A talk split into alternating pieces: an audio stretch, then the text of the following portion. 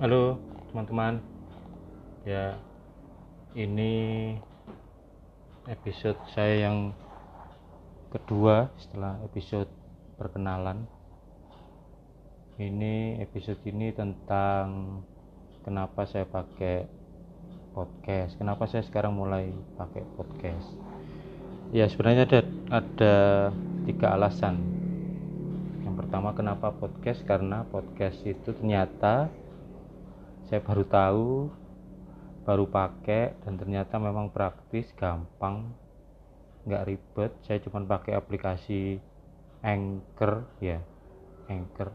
Tulisannya Ancur A N C H O R C H O R ya. Dan ya praktis. Saya tinggal direkam pakai headset lalu ngomong dan nggak perlu kelihatan wajahnya. Itu penting sekali ya terutama untuk saya yang yang wajahnya pas-pasan nggak tertolong ya. Pokoknya tinggal ngomong aja aman tidak membuat orang gelisah harus melihat wajah saya 20 menit. Itu alasan pertama. Alasan kedua saya sebenarnya sudah punya channel YouTube lalu bikin konsep acara sendiri namanya Sinau Urip. Sinau Urip itu konsepnya uh, saya saya ngajak seorang teman saya juga seorang stand up komedian Karim Sujatmiko yang dia sekarang produser untuk konten Bondowani di Majelis Lucu Indonesia.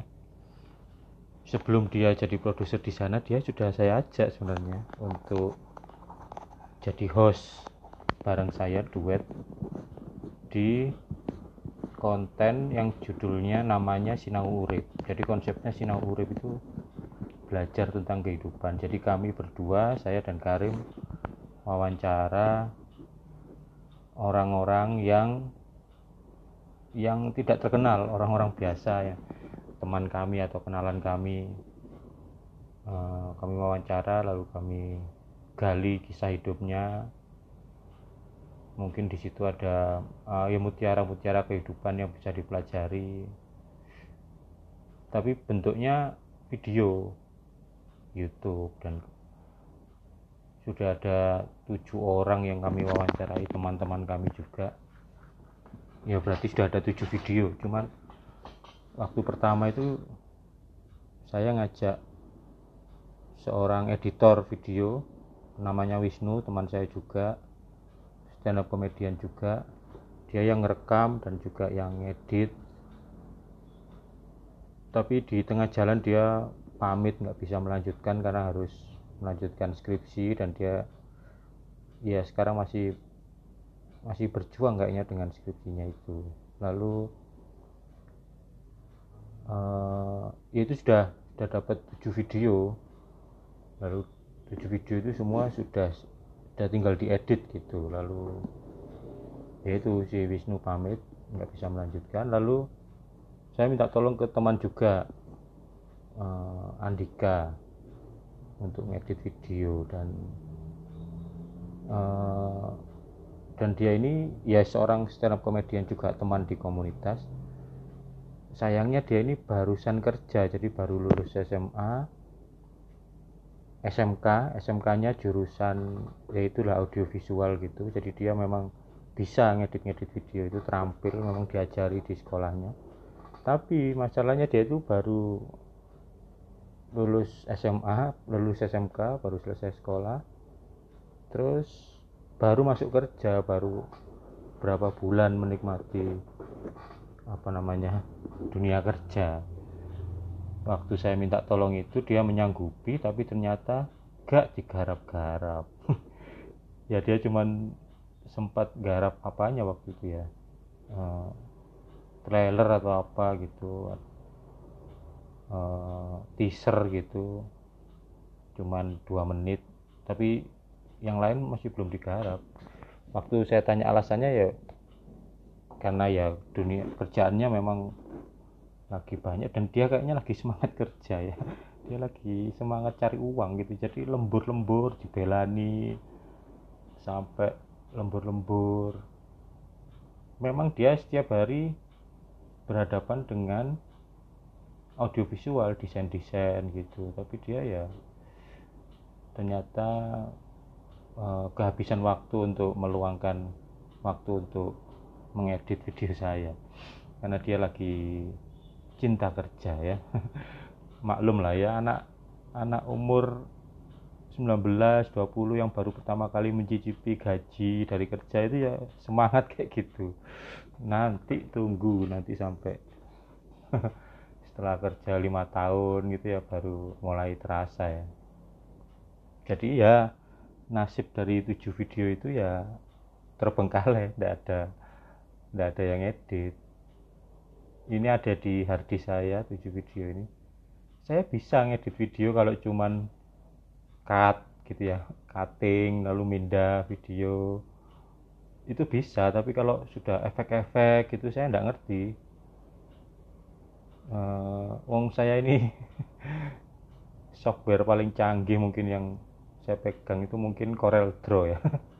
Corel Corel Draw 15 X5 di komputer saya ini. Photoshopnya Photoshop CS3 ada Adobe Premiere CS4 itu yang paling canggih. Nah Adobe Premiere itu bagi saya yang CS4 itu sudah terlalu canggih. Jadi saya tidak ngerti itu efek-efek gitu. saya bisa saya pernah ngedit video tapi ya cuman ngekat video ini dipindah ke depan dipotong ditempel. Kalau gitu bisa tapi efek-efek nggak bisa. Jadi ya video itu terbengkalai di sini. Dan beberapa orang yang sudah kami wawancara macam-macam ada teman-teman ada stand up komedian juga termasuk siapa namanya Cak Blangkon salah satu yang terkenal itu. Dia terkenal tapi menurut kami dia nggak terkenal gitu jadi kami ini kan wawancara orang-orang yang nggak terkenal tapi Nadia itu bagi kami tergolong yang nggak terkenal. Padahal dia sudah masuk TV sering Indosiar. Ya dia kami undang dan ya dari tujuh narasumber itu ya ceritanya ya seru-seru.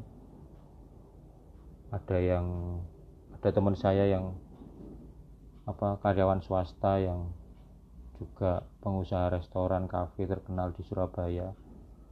Yang dulunya seorang uh, bandar judi bola bandar judi bola dan dia pengedar dan pemakai obat-obatan zaman dulu ya. Sekarang dia berbalik 180 derajat dia sekarang jadi seorang bapak yang baik untuk anak-anaknya seorang suami yang baik dan pengusaha yang rajin dan itu waktu dengar kisahnya dia itu wah saya shock itu karena karena orang bisa gitu ya bisa hidupnya itu bisa melewati lorong yang gelap gitu lalu ketemu matahari.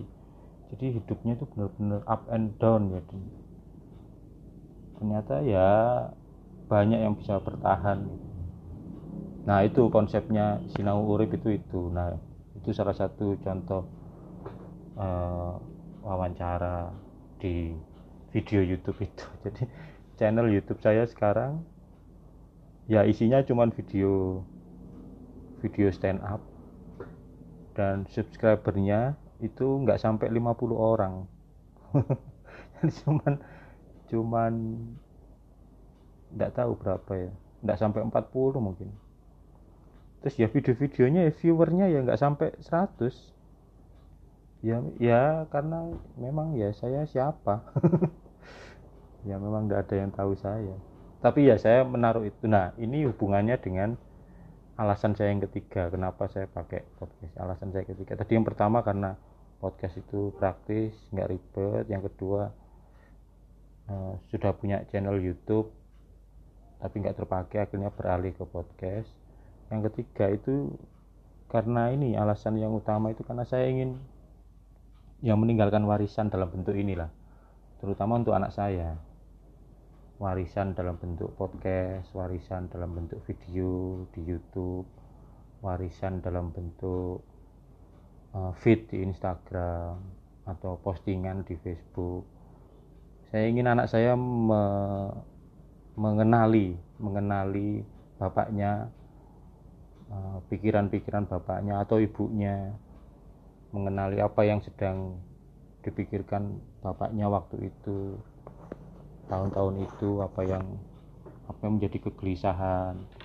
Bapak saya punya keprihatinan apa punya opini apa punya keberpihakan apa. Itu yang itu yang paling penting bagi saya warisan atau legacy untuk untuk anak saya. Jadi termasuk juga cerita-cerita hidupnya bapaknya itu ada di di podcast juga. Karena tidak semua hal bisa diceritakan waktu di rumah ya. Jadi nggak bisa saya tiba-tiba anak saya lagi lagi di kamar gitu terus saya masuk kamarnya eh mbak kakak sini dengerin cerita bapak dulu waktu tahun 98 jadi demonstran gitu kan. Ya kaget anakku ya. Ya shock langsung apa lagi bapak loro meneh oh, jadi tidak semua hal bisa diceritakan. Ya kalau ada kesempatan kalau misalnya anak saya itu tanya sesuatu saya bisa menjawab. Biasanya saya sisipkan cerita-cerita atau nasihat-nasihat atau pandangan-pandangan. Yaitu itu salah satu metode untuk untuk membentuk membentuk karakter anak nah mungkin sekarang ini ya saya hanya ya sebisanya kalau bisa interaksi ya interaksi. Tapi saya tidak bisa memaksakan cerita-cerita masa lalu atau enggak atau opini. Saya tidak bisa tahu-tahu apa mengajak anak saya diskusi opini itu tentang komisi pemberantasan korupsi. Itu kan tidak bisa. Ya jadi ya bentuknya di podcast ini. Saya tidak tahu nanti kapan anak saya mendengarkan ini tapi yang jelas ya supaya anak saya tahu lah. Saya kira ini warisan yang yang perlu untuk untuk anak saya. Lalu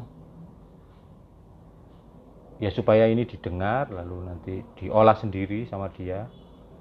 Habis diolah ya lalu dia memutuskan hidupnya akan seperti apa. Itu sih alasan kenapa pakai podcast. Jadi nanti ya ini uh, isinya macam-macam.